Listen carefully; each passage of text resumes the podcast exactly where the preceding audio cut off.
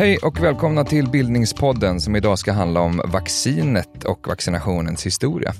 Magnus Bremmer heter jag och med mig idag finns Motsi Eklöv och Maria Josefsson. Varmt välkomna hit. Tack. Tack så mycket. Motsi som är med oss på länk är medicinhistoriker, författare och förläggare och eh, som forskare bland annat specialiserad på just vaccinationshistoria. Maria som är med här i studion är också medicinhistoriker, disputerad vid Uppsala universitet, nu verksam vid Södertörns högskola och Karolinska institutet. Motsi, du får börja. För lyssnare som kanske aldrig hört talas om vaccin, vad är det för någonting egentligen? Ja, alltså principen för vaccin har ju varit att föra in en mindre mängd, en liten del av ett sjukdomsframkallande ämne i kroppen för att få immunförsvaret att reagera och sen senare känna igen smittan och bekämpa den, bygga upp en immunitet. Idag så talar vi om specifika bakterier och virus och antikroppar och sådär, men i början så hade man inte den kunskapen utan man utgick från den praktiska erfarenheten. Det finns ju idag väldigt många olika typer av vaccin mot olika sjukdomar. De framställs på väldigt olika sätt, används på väldigt olika sätt, så det är svårt att klumpa ihop vaccin till ett enda ja, ett enda begrepp. Mm. Maria, hur, hur, lång historia pratar vi om här egentligen när det gäller vaccin och vaccination?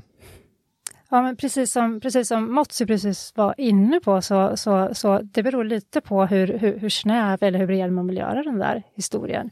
Om vi ska prata om, om vaccinationshistoria som någonting som har att göra med just den här kunskapen om att vissa har en immunitet. Då kan man dra det här tillbaka ända till flera hundra år före Kristus där jag har förstått att det finns vissa belägg för att man rent praktiskt skickade, skickade människor som redan hade haft smittkoppor för att ta hand om dem som då insjuknade. Så det, det är en sån praktisk kunskaps eh, kunskapsunderbyggnad, men då, men då har man ju ingen praktik för att överföra den här immuniteten. Är det liksom en, en, en, en verklig immunitet? Vaccinet ska ge någon slags artificiell immunitet? Ja, precis. Den verkliga immuniteten får du ju, får du ju, eller du får ju en immunitet om du har varit smittad med en sjukdom mm. och sen så kan du få en immunitet via vaccin. Men det här byggde ju på att man då förstod att ja, men hade man haft smittkoppor en gång och överlevt, då, har, då blir man inte sjuk igen. Det var en praktisk erfarenhet. Och det här med, med att aktivt vaccinera eh, personer, ungefär? Då får man dra det lite längre framåt, men åtminstone eh, jag har läst beskrivningar om, om, om tusentalet ungefär i Kina, att, man, att man, det fanns praktiker där man faktiskt eh, såg till att, att eh, barn blev smittade med, med vissa sjukdomar just för att uppnå immunitet. Så det är ju en sorts vaccination. Mm. Och den moderna historien brukar börja på 1700-talet ungefär. Mm. Vi ska återkomma till historien. Måste vi kanske ska säga något mer om, om hur eh, mm. ett vaccin egentligen fungerar?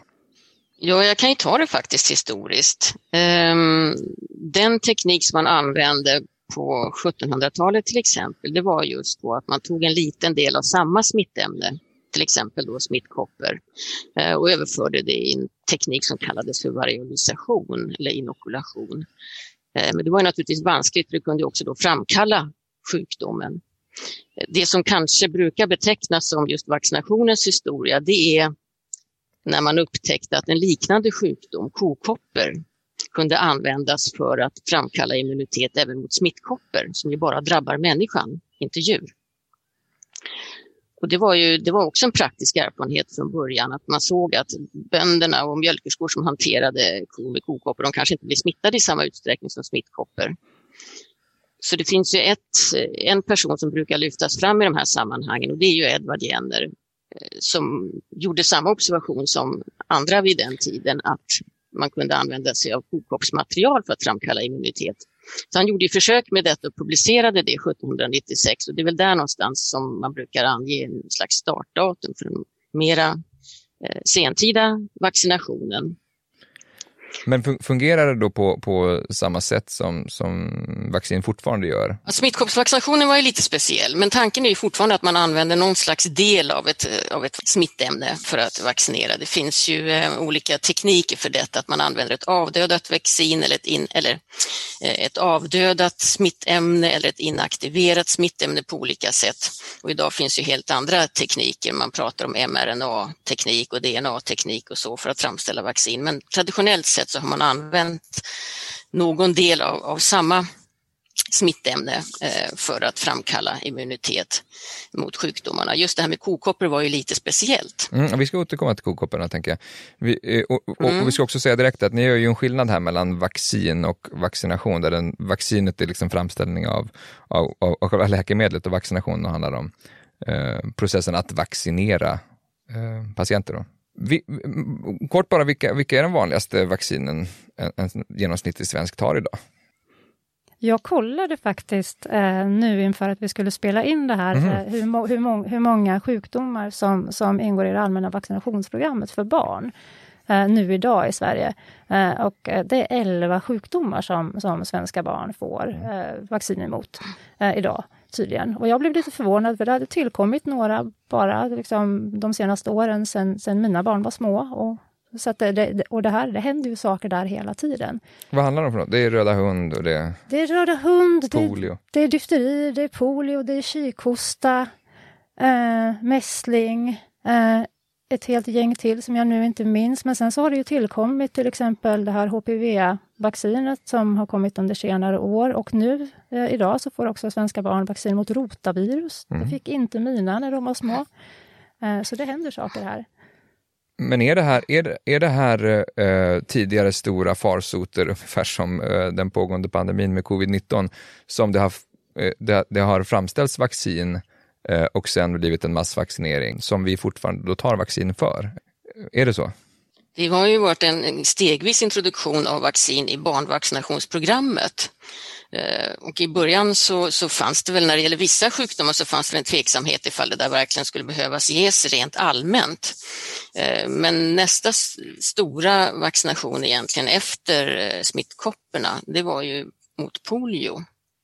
Och där var det väl många som var väldigt tacksamma att det kom fram ett vaccin. Då talar vi tidigt, tidigt 1900-tal va? 50-talet, 1950-talet. Okay. Mm. Mm. Så innan dess var det framförallt smittkopporna och sen började man också framställa en slags vaccin kan man säga, det ingår i samma kategori idag i alla fall, mot difteri och stelkramp. Och sen kom ju också mot eh, tuberkulos. Men det har ju ändrats, precis som Maria var inne på, att barnvaccinationsprogrammet har utökats hela tiden. Eh, när jag var ung så var det framför allt just mot tuberkulos och smittkoppor och så som man vaccinerade. Det andra har kommit senare. Mm. Vaccin är ju en helt akut fråga nu under den pågående pandemin, eh, något som vi ska återkomma till tänkte jag. Men eh, vaccin har varit rätt hett omdebatterat flera gånger det senaste eh, decenniet, decennierna bara. Vad är det som är så laddat med, med det här med vaccin egentligen? Jag skulle säga att det är samma frågor egentligen som har pågått under ja, nästan 200 års tid, trots att vaccin är någonting helt annat idag än det var för 150-200 år sedan. Till att börja med så handlar det om, alltså det handlar inte om en medicin mot någon som är sjuk utan det handlar om att använda sig av något eventuellt patogent ämne, ett främmande ämne eh, som ska införas i en frisk kropp. Och alla vacciner skapar ju reaktioner, det är ju själva poängen med dem och ibland så kan det där gå lite överstyr och det kan orsaka kraftiga biverkningar i både kropp och själ. Ehm, och med tanke på det så krävs det också då en noggrann riskavvägning mellan den aktuella sjukdomens allvarlighetsgrad och eh, individens säkerhet när det gäller risk för eventuella biverkningar och sådär. Och den debatt som har blossat upp nu eh, var ju väldigt aktiv också när det gäller smittkoppsvaccinet och det handlar ju om detta med frivillighet eller tvång. Ska det vara frivilligt att vaccinera sig eller ska det vara obligatoriskt? Mm. Smittkoppsvaccinationen var obligatorisk här barnvaccinationsprogrammet är visserligen ett allmänt liksom, rekommenderat påbjudet program, men det råder ju inget obligatorium. Men nu diskuterar man igen när det gäller dagens vaccin ifall det verkligen inte ska krävas att alla tar det. Just det, för det finns mycket tal om det här med anti-vaxxers och att vara, vara emot, eh, vara emot mm. detta med att bli vaccinerad. Är det så att det hänger ihop historiskt med alltså vaccinationsmotståndet mot just den obligatoriska vaccinationen? Ja, alltså i olika länder, när det gäller smittkoppsvaccinationen från början av 1800-talet eller sekelskiftet kring 1800 där, ehm, så har ju olika länder valt olika vägar huruvida det skulle vara obligatoriskt eller inte. Det ser väldigt olika ut internationellt. Men i Sverige så har det varit obligatoriskt från 1816 fram, ända fram till 1976 utan egentligt eh, avbrott. Och eh, dels fanns det naturligtvis synpunkter på själva tvånget i sig under 1800-talet så fanns det ju smittkoppor i landet ständigt närvarande och det blossade upp små epidemier då och då och då var det väl mera självklart att vaccinera sig. Men från slutet av 1800-talet och resten av tiden eh, så fanns smittkoppor inte ständigt närvarande i Sverige utan det kom ju in via så kallade importfall mm och orsakade mindre epidemier innan man fick bukt med dem, eller det förekom enstaka så kallade stänkfall. Och då var det ju naturligtvis mer omdebatterat huruvida det skulle vara obligatorisk vaccination. Det var många som tyckte att det var mera tvång än vad nöden krävde. Att det kunde räcka med att vaccinera i händelse av hot, alltså epidemi, konkret epidemihot. Mm. Så just tvångsfrågan var väldigt aktuell där. Sen fanns ju naturligtvis också rädsla för biverkningar. Smittkoppsvaccinet var väl aldrig egentligen det fräschaste vaccinet. Um, så det fanns ju mycket synpunkter på det också, att överhuvudtaget uh, använda sig av ja, mm. vaccin som skydd mot sjukdom. Mm. Eh, vad säger du Maria om, om eh, liksom dagens diskussioner om, om detta? Nej, jag kan tycka att, att en aspekt som, som, som ju blir, har blivit väldigt, väldigt tydligt nu, framförallt, framförallt de, senaste, de senaste veckorna här, apropå diskussionen kring just eh, vaccination. Eh, det handlar ju just om den här, den här riskavvägningen och eh, individen i relation till, till kollektivet eller folkhälsan. Det finns ju en spänning däremellan, ofrånkomligen. Och då när vi, pratar, när vi börjar prata biverkningar, då, då, ja, men, frågan infinner sig ju, hur mycket risk ska vi kräva att individen bär eh, för folkhälsans skull? Och vice versa. För att eh, eh, det, det, är ju ofta så med biverkningar utav de här, utav alla vacciner egentligen, att de slår inte precis likadant jämnt över hela befolkningen. Mm. Utan det, det såg vi i fallet med Pandemrix mot svininfluensa, att det var ungdomar där som, som främst drabbades av narkolepsi. Eh, och så ser det ofta ut i och med att man, det vaccinen gör, det är ju att de är inne och petar på immunförsvaret. Och, immun, och, och immunologi och immunförsvaret, det ser olika ut i olika grupper. Det kan vara relaterat till kön, det kan vara mm. relaterat till ålder, det kan vara mm. relaterat till massor med olika saker. Men det det handlar om här i alla fall, det är individens oro för att få eventuellt allvarliga biverkningar och, och nyttan som, som vaccinet gör för folkhälsan överlag. Det är det som ja, måste precis. vägas mot. Och man hör ju ofta det här solidaritetsargumentet, att ja, men man ska, man, även, om, även om du är 20 år idag så borde du vaccinera dig naturligtvis mot, mot, mot covid eftersom som, ja, men i solidaritet med alla andra. Och samtidigt så är det så att är du 20 år så löper du oerhört liten risk att bli allvarligt sjuk i covid. Så eh, det, mm. det, det, finns en, en spänning där. Jag tycker vi återkommer till de politiska och etiska aspekterna av det här med att vaccinera sig och vaccinera en befolkning. Eh, vi, vi bara tar eh, de här smittkopporna som du har pratat om och Edward Jenner, Motsi. Kan vi få veta lite mer mm. om, om, om den historien och vem han var?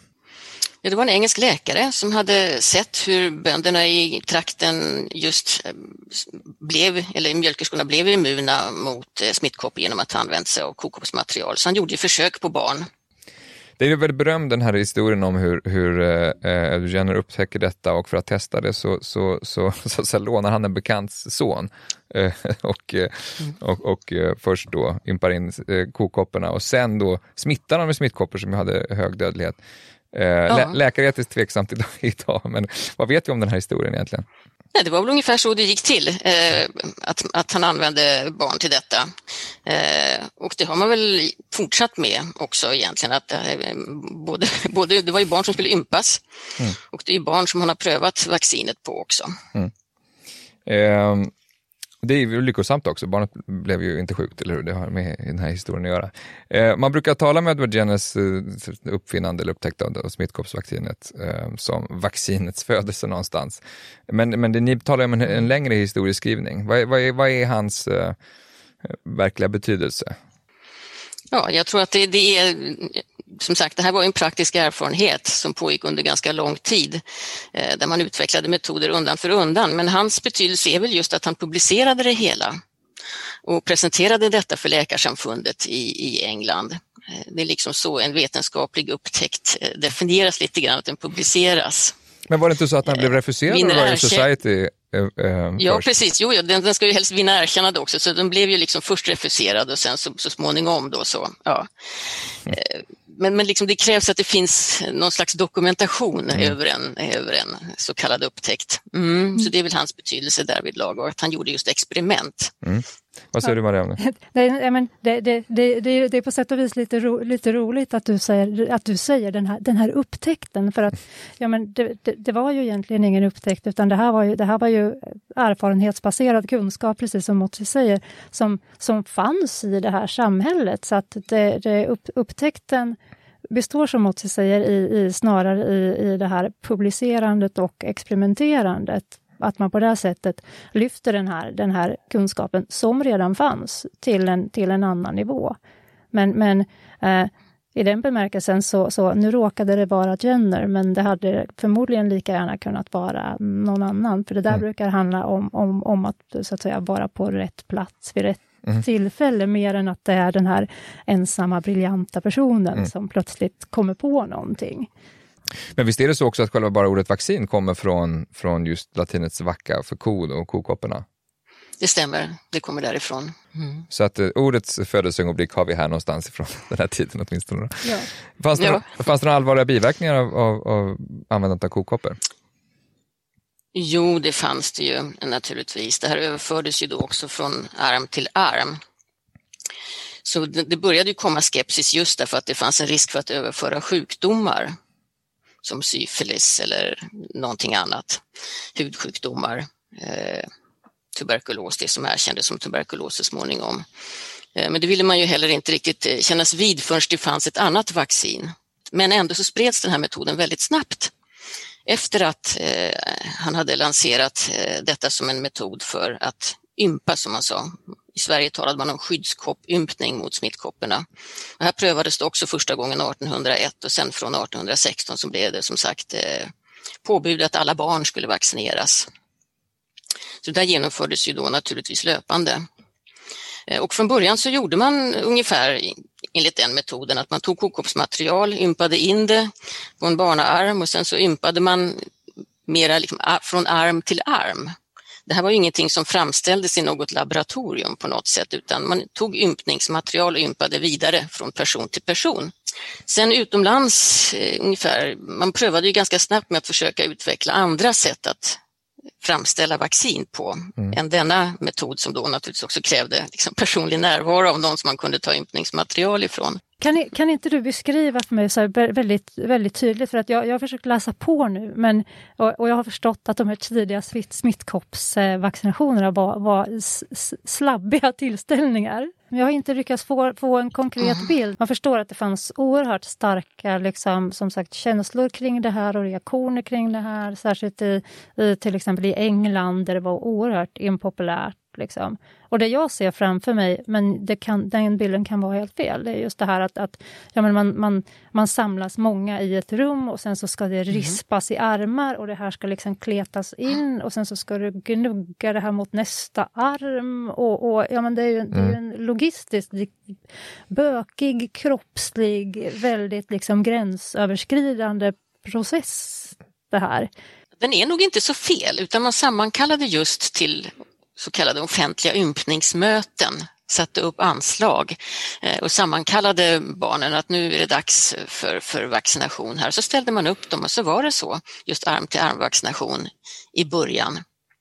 Sen kunde det förstås hända att det inte kom några barn på de här offentligt utlysta ympningsmötena i vissa delar av landet. Eh, men eh, det skulle gå till så i alla fall. Men kom, hur kom det in i kroppen så att säga? Vi, arm till arm? Ja, man gjorde något litet kryss i början här på, på överarmen och så, så petade man in lite material. Eh, så småningom så, så rispade man eh, och nu har man ju på senare år så har man väl använt en sån här tvådelad nål till exempel för att sticka in. Och så här. så att liksom tekniken har ju också varierat väldigt mycket. Mm. Okej, okay. vad är liksom nästa milstolpe? Vad, vad, vad, är det som händer sen? Här har, har vi ändå då eh, en, en, en ny metod för att um, förhindra eh, smitta och sjukdom är en av de värsta farsoterna vid den här tiden. Vad, vad blir det för reaktioner i vetenskapssamhället? Vad, hur tar man det här vidare? Ja, vetenskapssamhället var väl inte så mycket att tala om för svenskt vidkommande vid den tidpunkten när det gäller just smittkoppsvaccinationen, utan det var ju som sagt var ett påbud från staten att alla skulle vaccineras. Och läkarna var egentligen inte så engagerade i själva vaccinationen under 1800-talet och egentligen inte senare heller, därför att det var inte de som vaccinerade. Utan det var särskilt förordnade vaccinatörer som kunde framförallt vara klockare, barnmorskor, folkskollärare eller andra som liksom fick i uppdrag att vaccinera eh, barnen och sen registrerades det vilka som hade vaccinerats och icke. Eh, utan först eh, senare på 1900-talet så gav en ny omarbetad lag läkarna i uppdrag att ta huvudansvaret för vaccinationer, vilket inte var populärt mm. varken bland de gamla vaccinatörerna eller bland läkarna. För det här var ju inte vid den tiden en så populär Eh, aktivitet i befolkningen. Hur snabbt går det här från, från Jenners tid och framåt? Så att säga? Hur snart på 1800-talet börjar man, börjar man inse att det här är någonting som måste ske på bred front? Så? Ja, det börjar man väl. Man börjar ju som sagt med barnen så att det dröjer ett tag innan, innan en hel befolkning är genomvaccinerad. Till saken hör ju att smittkopp, alltså an, man säger, incidensen av smittkopp grupper sjönk ju redan i början på 1800-talet, redan innan man egentligen hade gjort någon mer omfattande vaccinering i alltså Sverige. Förekomsten minskade? Då, ja, eh, vilket man hänför då till att det var så väldigt kraftig, kraftiga epidemier dessförinnan så befolkningen hade hunnit bli ganska så immuniserad. Mm. Men sen gjorde ju ändå vaccinationen så att man höll dem stången eh, under 1800-talet.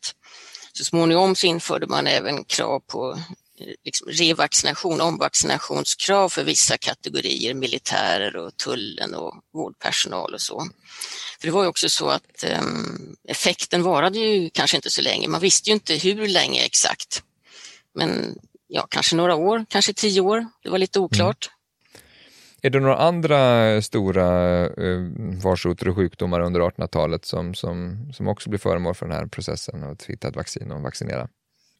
Nej, inte egentligen, utan när nästa person eh, som brukar nämnas när det gäller vaccinationens historia, det är ju Louis Pasteur som tog fram vaccin mot eh, antrax, mjältbrand och eh, rabies. Och det var inte några stora farsoter, men det var ju liksom nästa steg att där hade man då upptäckt det, det patogena ämnet och sen kunde man utveckla vaccin mot det. Sen dröjde det väl lite grann, sen började man ju utveckla serum mot difteri och stelkramp. Då använde man sig också av djur. Det här var ju då på 1890-talet. Och den praktiken, att helt enkelt ta de antikroppar med dagens terminologi som framställdes i ett djur och injicerade det i människor för att på, den, på det sättet bekämpa en sjukdom.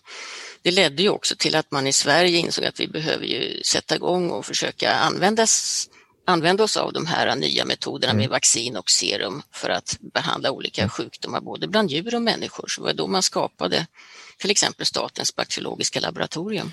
Men är det så att det går en, går en skarp gränslinje här mellan Eh, just vaccin som, som syftar då till att, att, att skapa en immunitet eh, hos någon innan man har fått den här sjukdomen och eh, andra um, typer av läkemedel som eh, antibiotika eller så något som bekämpar en, en sjukdom. Är det, är det så att det, det är två olika, olika saker och vaccinet är, är, är någonting mycket mer komplicerat att, att hantera för, för, läke, för, för medicinen? Ja, men vaccinet är ju mer komplicerat i den bemärkelsen. Då, då, då introducerar du, du någonting i en, i en frisk person. Mm. Eh, har du någon som så att säga redan är sjuk, då, då, då är det mycket mer självklart att målet är att försöka, försöka bota den här sjukdomen. Mm. Eh, så det, det, är två, det är två olika utgångspunkter i, i den bemärkelsen. Ja, man försöker skapa antingen aktiv immunisering eller passiv så att säga. Eh, när det gäller till exempel skillnaden mellan vaccin och serum. Antibiotika är just ett antimedel eh, som ska bekämpa eh, utifrån det sjukdomsframkallande ämnet. När man använder sig av serum så använder man sig av liksom redan framställda antikroppar, någon slags passiv immunisering. Med vaccin så är det aktivt att immunförsvaret, det egna immunförsvaret som ska göra jobbet. Så det är liksom grader i detta. Mm. Mm. Sen, sen, ska man inte glömma att det faktiskt finns ett, ett litet, det finns ju ett litet överlapp också och, och rabiesvaccin är väl om jag inte är felunderrättad ett, ett, ett, ett, ett, ett sånt exempel som man kan, som man kan lyfta fram. Att, att har, du, har du blivit exempelvis biten av en rabiesmittad hund idag, så kan du om, du, om du snabbt kommer till vård och får en, en, en vaccinering mot rabies, så klarar du dig från att, att insjukna. Men fortfarande så är det ju så att blir du smittad med rabies och ingenting görs, då, då kommer du med stor sannolikhet att avlida i, mm. i rabies. Så det finns ju ett litet överlapp i den bemärkelsen att vaccin också kan mm. användas för att, att, så att säga, mota Olle i grind mm. när, när det farliga redan har hänt. Motsi, du, är, du är särskilt intresserad av perioden 1880 1940, har du sagt. Vad är det som är så intressant med, med eh, eh, det som händer under den, eh, under den historiska perioden på det här området? Ja, dels så börjar det ju då utomlands utvecklas flera vaccin och serum och det leder som sagt till att man även i Sverige vill satsa lite mer på att framställa just vaccin och serum.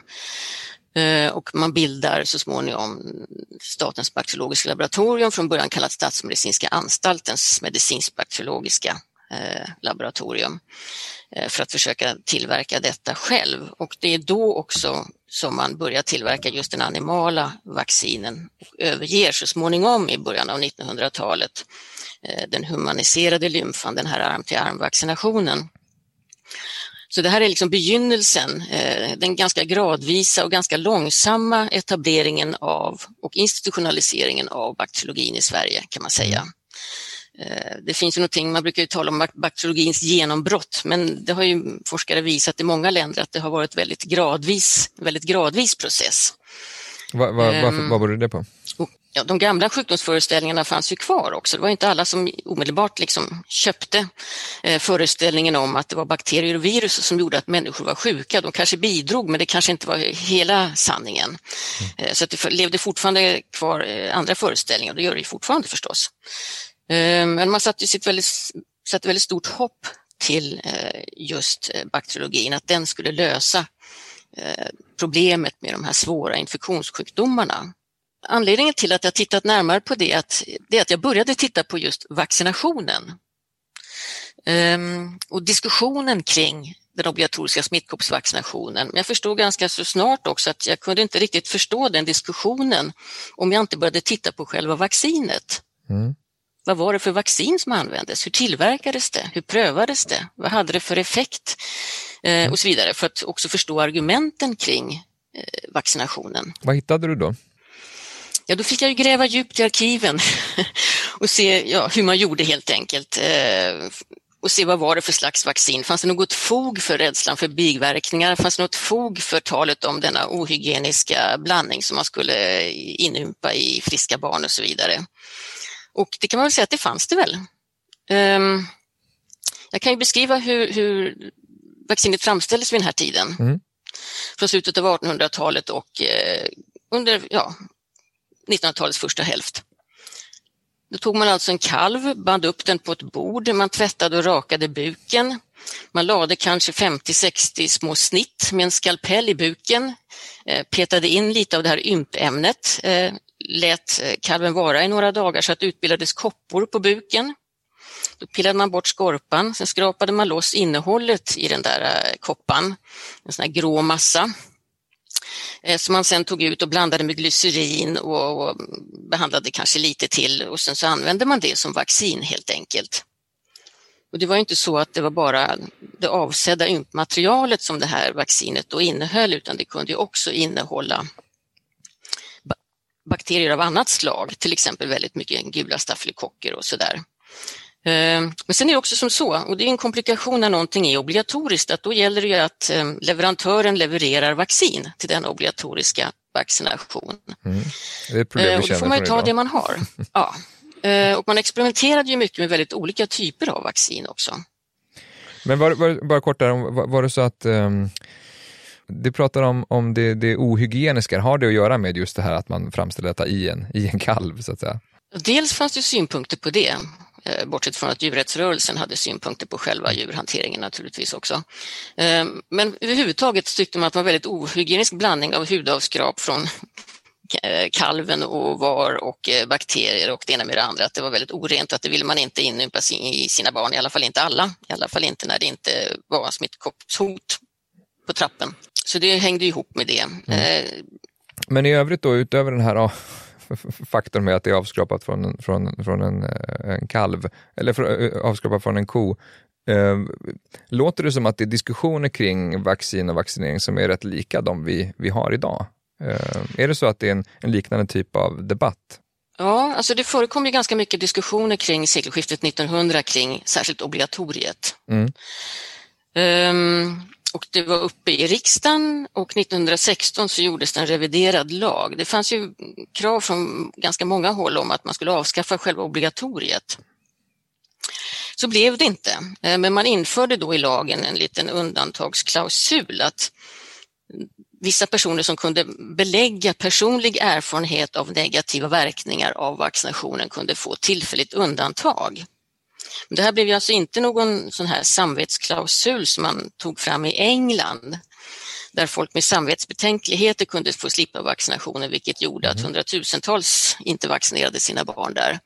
Utan i Sverige så blev det ingen större skillnad egentligen, i alla fall inte i början utan eh, Medicinalstyrelsen och regeringen beviljade ju de första åren överhuvudtaget inga undantag eh, och så småningom ganska så få. Men diskussionen fortsatte och den blev intensiv igen på 1930-talet efter det att det hade uppstått en mindre smittkoppsepidemi i Malmö 1930, början på 1932. Och sen blev det väldigt stort debacle kring den massvaccinationer som man faktiskt anställde där då, eh, därför att det var många som blev sjuka efteråt, efter vaccinationen och så. Massvaccination, det är väl just det att, att alla i en viss befolkning vaccineras ja, obligatoriskt. Precis, ganska mm. så samtidigt då. Mm. Exakt.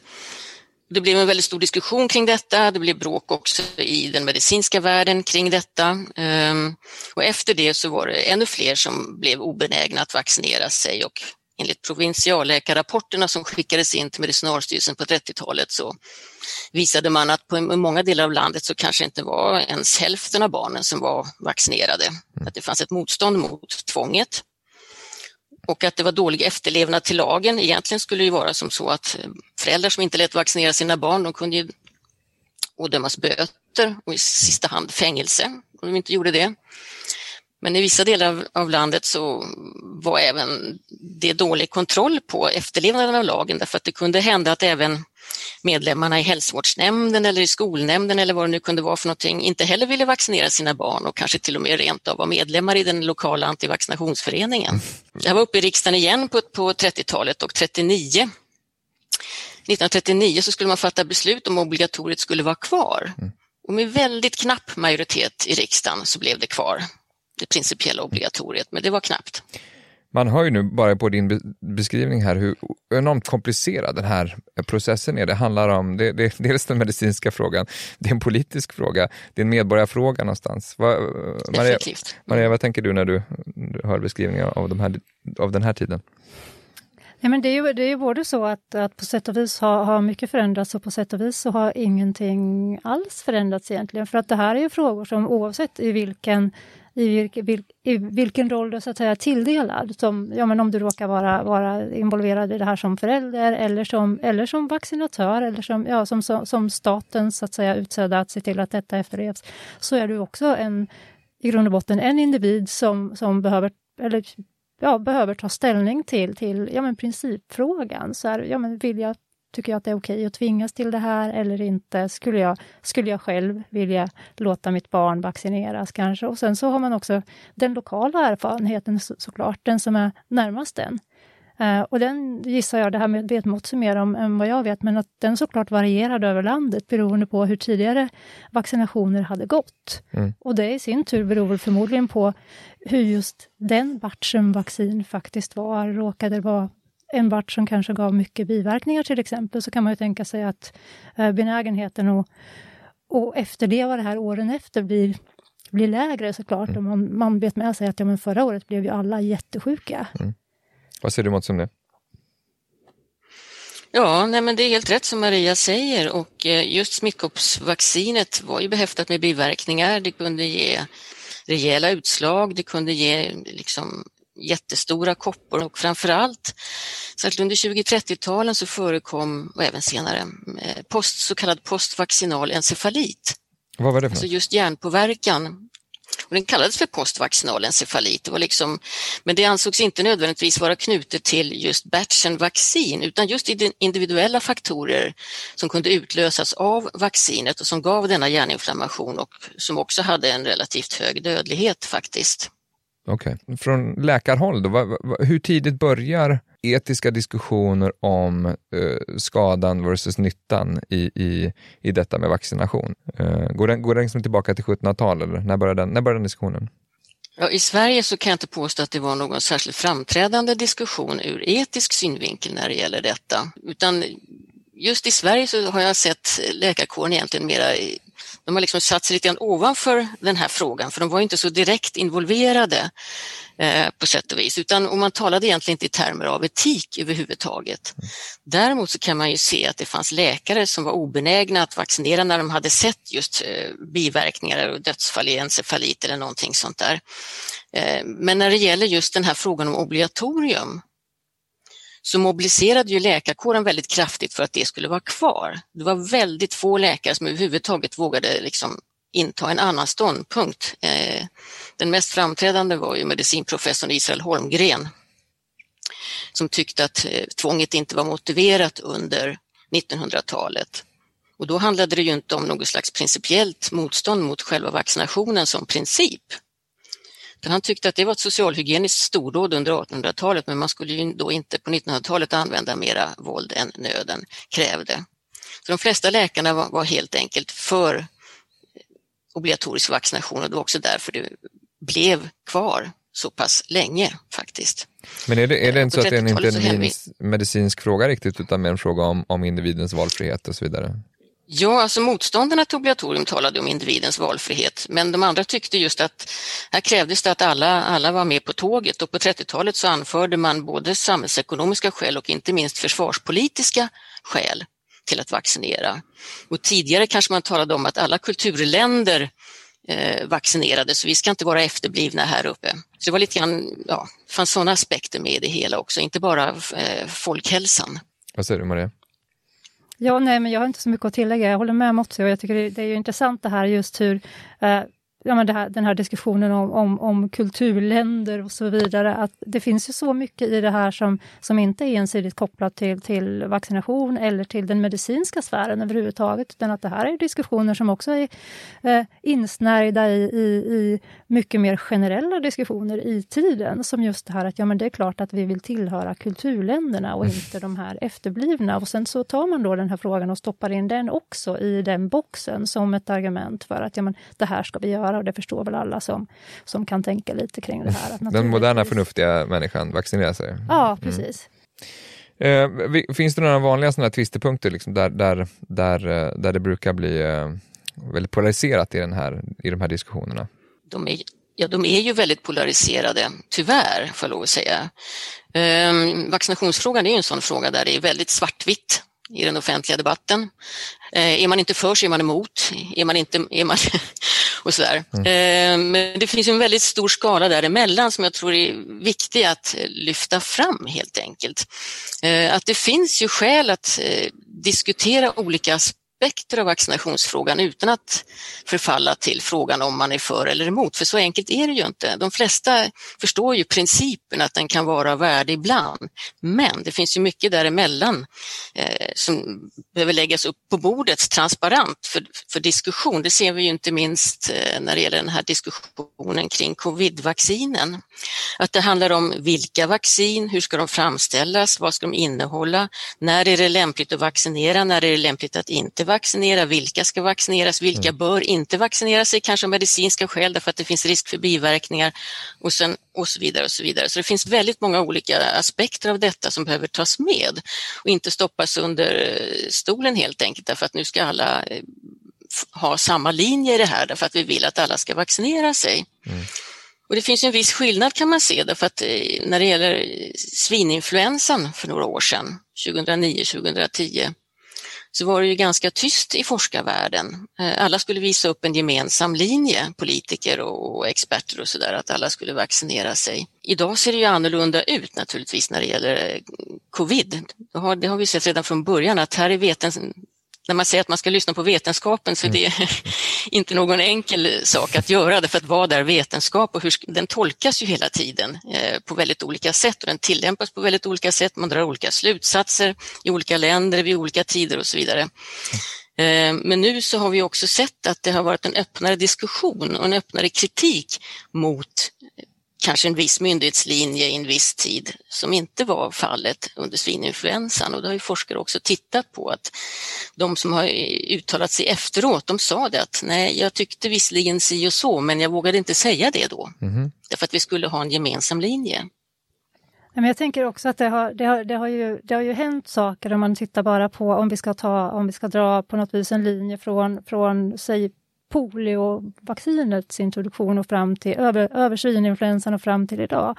Eh, för det som, det som fanns på plats eh, och var fruktansvärt just när man introducerade poliovaccinet, det var ju då att eh, det fanns, då hade vi, då hade vi en, en, en läkarkår och, och en kår sjukvårdspersonal och också i, i förekommande fall föräldrar som med egna ögon hade just fått bevittna det här. Hur ser det ut när ett barn dör i polio?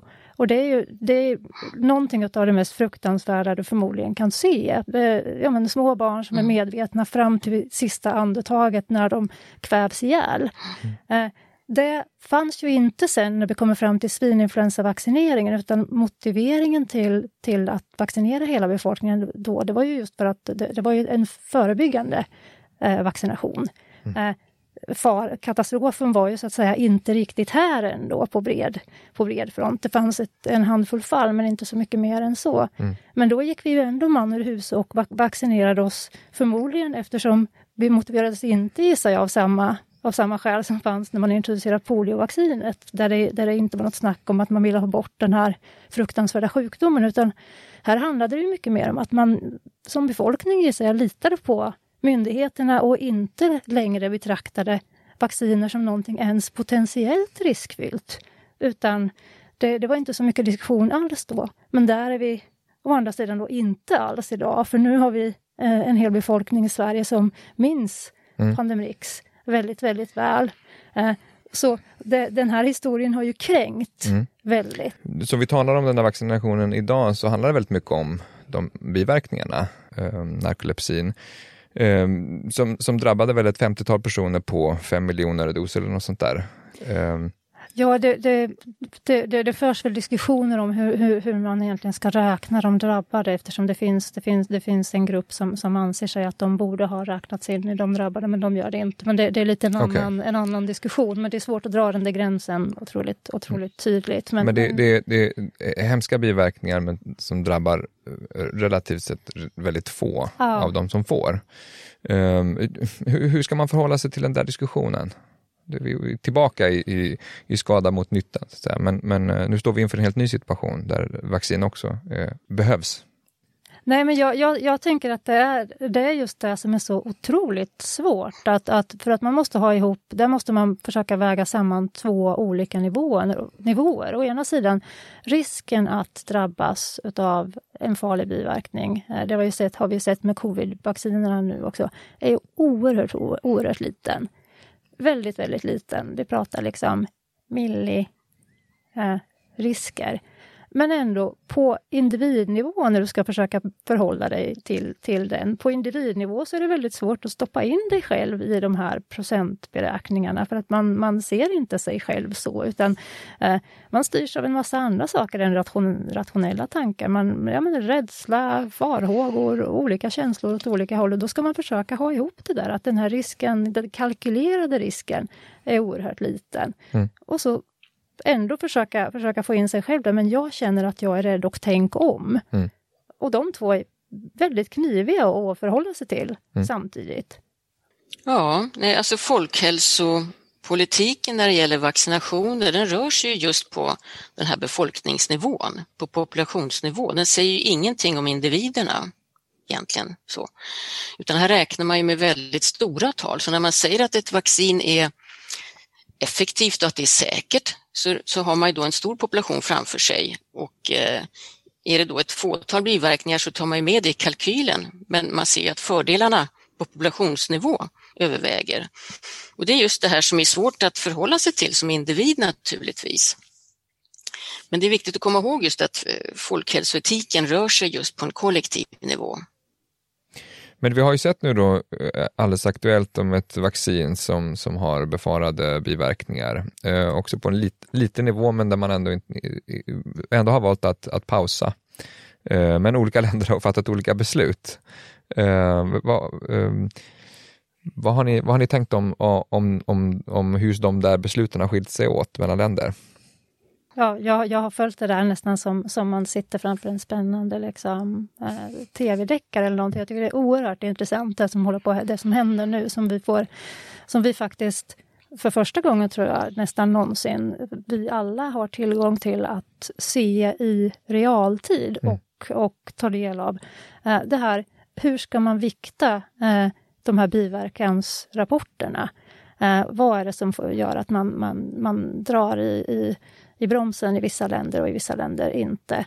Eh, och, och vad är det som gör att vissa istället bara tycker att nej men vi, vi kör.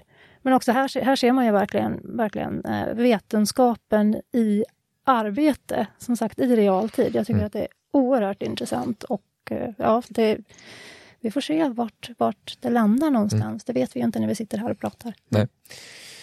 Vad säger du Matsi? Nej, och det är, också, nej, det är också så att just vid massvaccination, när man genomför vaccination på sån här bred front, det är också då som det kan bli tydligare vilka eventuella biverkningar som kan dyka upp, som kanske går under radarn, så som just en biverkan efter vaccinationen när man gör vaccinationer löpande.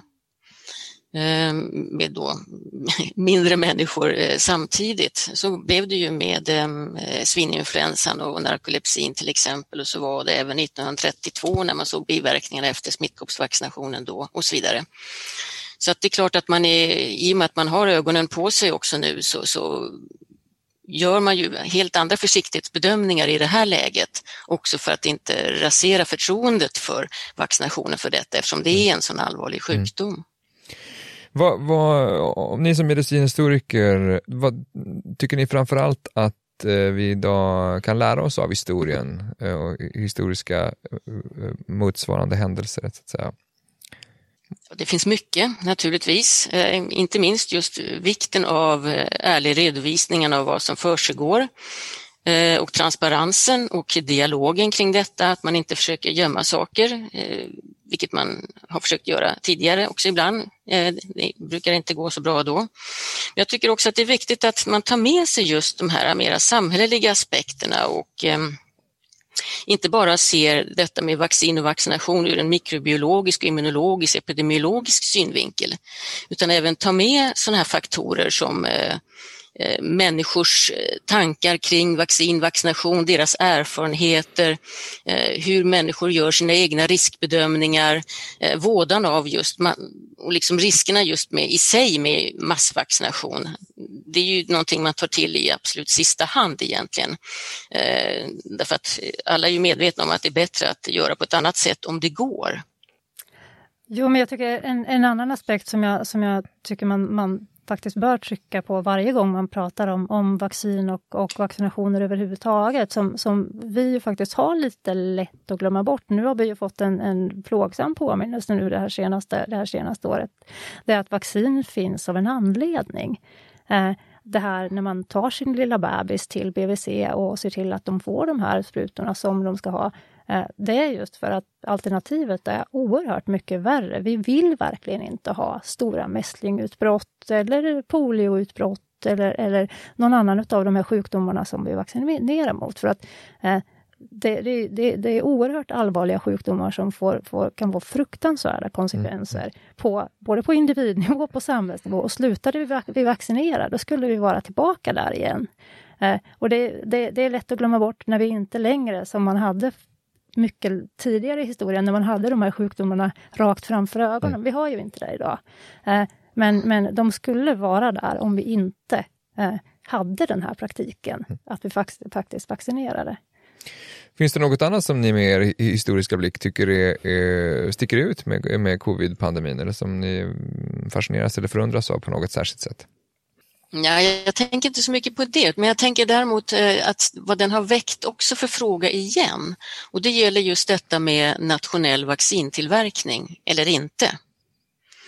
Därför att när man nu ser den här vaccinnationalismen bre ut sig, där folk sitter och liksom håller på sina vaccindoser, det talas om exportförbud och ja, eh, hemliga lager som ligger någonstans och eh, ojämlik fördelning av vaccin och sånt där, så tycker jag att den diskussionen är också intressant igen. Därför att igen. om vi tänker, ja, um, vi hade ju nationell produktion av och distribution av eh, vaccin, ganska många här tidigare då på Statens bakteriologiska laboratorium. Och sen har ju Sverige i likhet med flera andra länder gjort sig av med den egna vaccintillverkningen och överlåtit det åt några stora läkemedelsbolag. Till exempel när det gäller då svininfluensan så var ju den diskussionen igen, i Sverige ska vi ha egen, ska vi inte ha det? Eh, och man valde då istället att teckna kontrakt med ett externt Eh, internationellt läkemedelsbolag för detta Pandemrix till en både årlig summa och eh, leveranssumma. Och nu har man börjat tala om detta igen. Ska vi ha nationell vaccinproduktion? Och det är inte helt enkel fråga. Ehm, men den har blossat upp igen. Och just den här, det här beredskapsargumentet har vaknat till liv igen. Mm. Det som försvann på 90-talet när man tyckte att äsch, det här med nationell vaccinproduktion, det är någon gammal kalla kriget-tanke att vi ska ha mm. beredskapslager och så gjorde man sig av med det. Mm. Men nu är vi där igen. Var det så att Finland hade ett, inte ett vaccinlager, men ett, ett, just ett beredskapslager med munskydd och allt annat, var redo för kriget på ett ja. annat sätt som gjorde skillnad i början av den här mm, pandemin. Um, Maria, vad säger du om det? Ja, Nationalismen i allt detta. Jo, men det, det, finns, det finns definitivt ju en, en, nationalism i detta och det, det, det, har ju blivit tydligt och det är, det är egentligen dumt att man inte ens har tänkt på det här tidigare, eller att det, har, det, har, att det, det, argumentet inte har, inte, har, inte har sett som riktigt eh, legitimt, kan jag tycka, givet att ja, men vad, vad, vad händer när vi får en pandemi som vi har fått nu? Och det har vi ju sett allihop, att gränser klappas igen på löpande band och det går fort och det, det, det, det slås ju på en nödbroms på hela den här mm. globala logistikkedjan som allting är beroende av. Men jag tänker att en annan sak, apropå just covid-pandemin, i, i relation till, till, andra tidigare epidemier, pandemier i historien. Att, eh, den är ju lite upp och nervänd och har ju, har ju, har ju blivit en, en väldigt speciell diskussion just eftersom de drabbade inte som, som så ofta annars, de drabbade är inte främst barnen utan tvärtom de, de äldre. Eh, så att, och det gör ju saker med hela den här liksom, solidaritetsdiskussionen apropå vaccination och en massa andra saker också. Eh, polio eller mässling eller någon av de här andra sjukdomarna som vi har pratat om, så har ju barnen varit de som har varit kanske mest drabbade. Så ser det inte ut nu, utan nu är det ju tvärtom. Eh, och det påverkar ju också, tänker jag, hur vi, hur vi diskuterar allt det här. Det får bli dagens sista ord. Jag tackar Maria Josefsson och Mats Eklöf för att ni ville vara med i Bildningspodden. Tack. Tack. Och tack ni som har lyssnat. Ni, blir ni mer intresserade av medicinhistoria kan ni gå in på vår sajt och se lite tips. Eh, vi är snart tillbaka med ett nytt avsnitt. Du har lyssnat på Bildningspodden, en del av bildningsmagasinet Anekdot. Fler poddar, filmer och essäer hittar du på anekdot.se.